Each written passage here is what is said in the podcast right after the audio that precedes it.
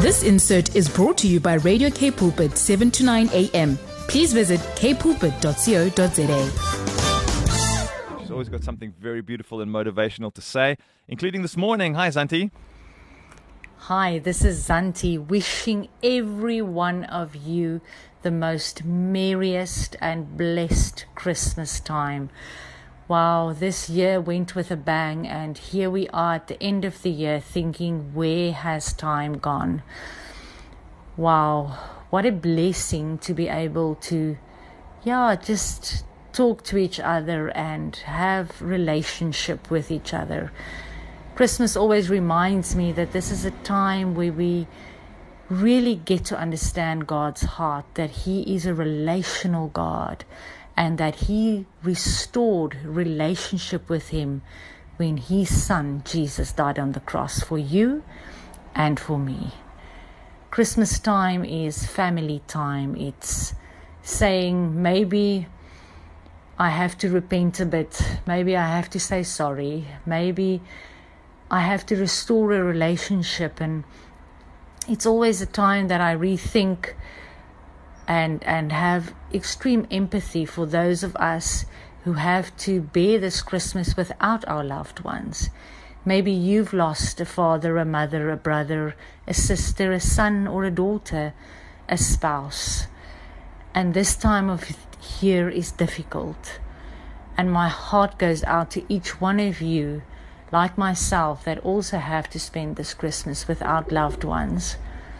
May we know that they live in heaven and they celebrate this day with us.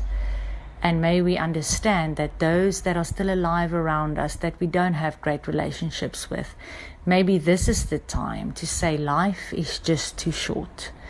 And maybe God will give all of us grace to restore relationships in these times.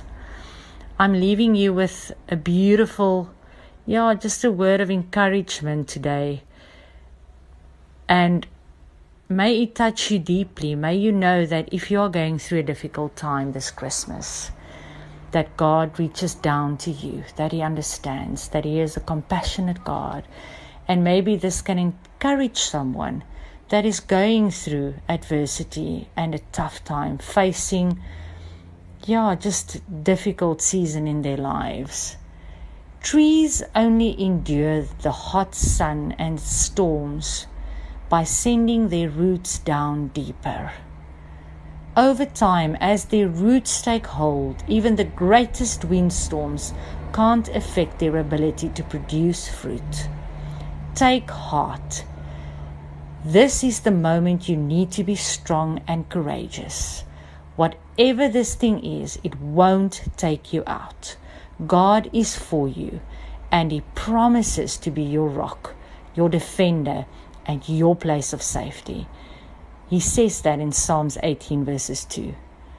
Make what you know about God greater than what you know about what you're facing. Let your roots go deep into Him this Christmas season. May you know that He was born for you, He died for you, He's got you. May you have a blessed time with your family. And if it's you going through a tough season, just know God has your back. Have a wonderful Christmas. This insert was brought to you by Radio K Pulpit 7 to 9 a.m.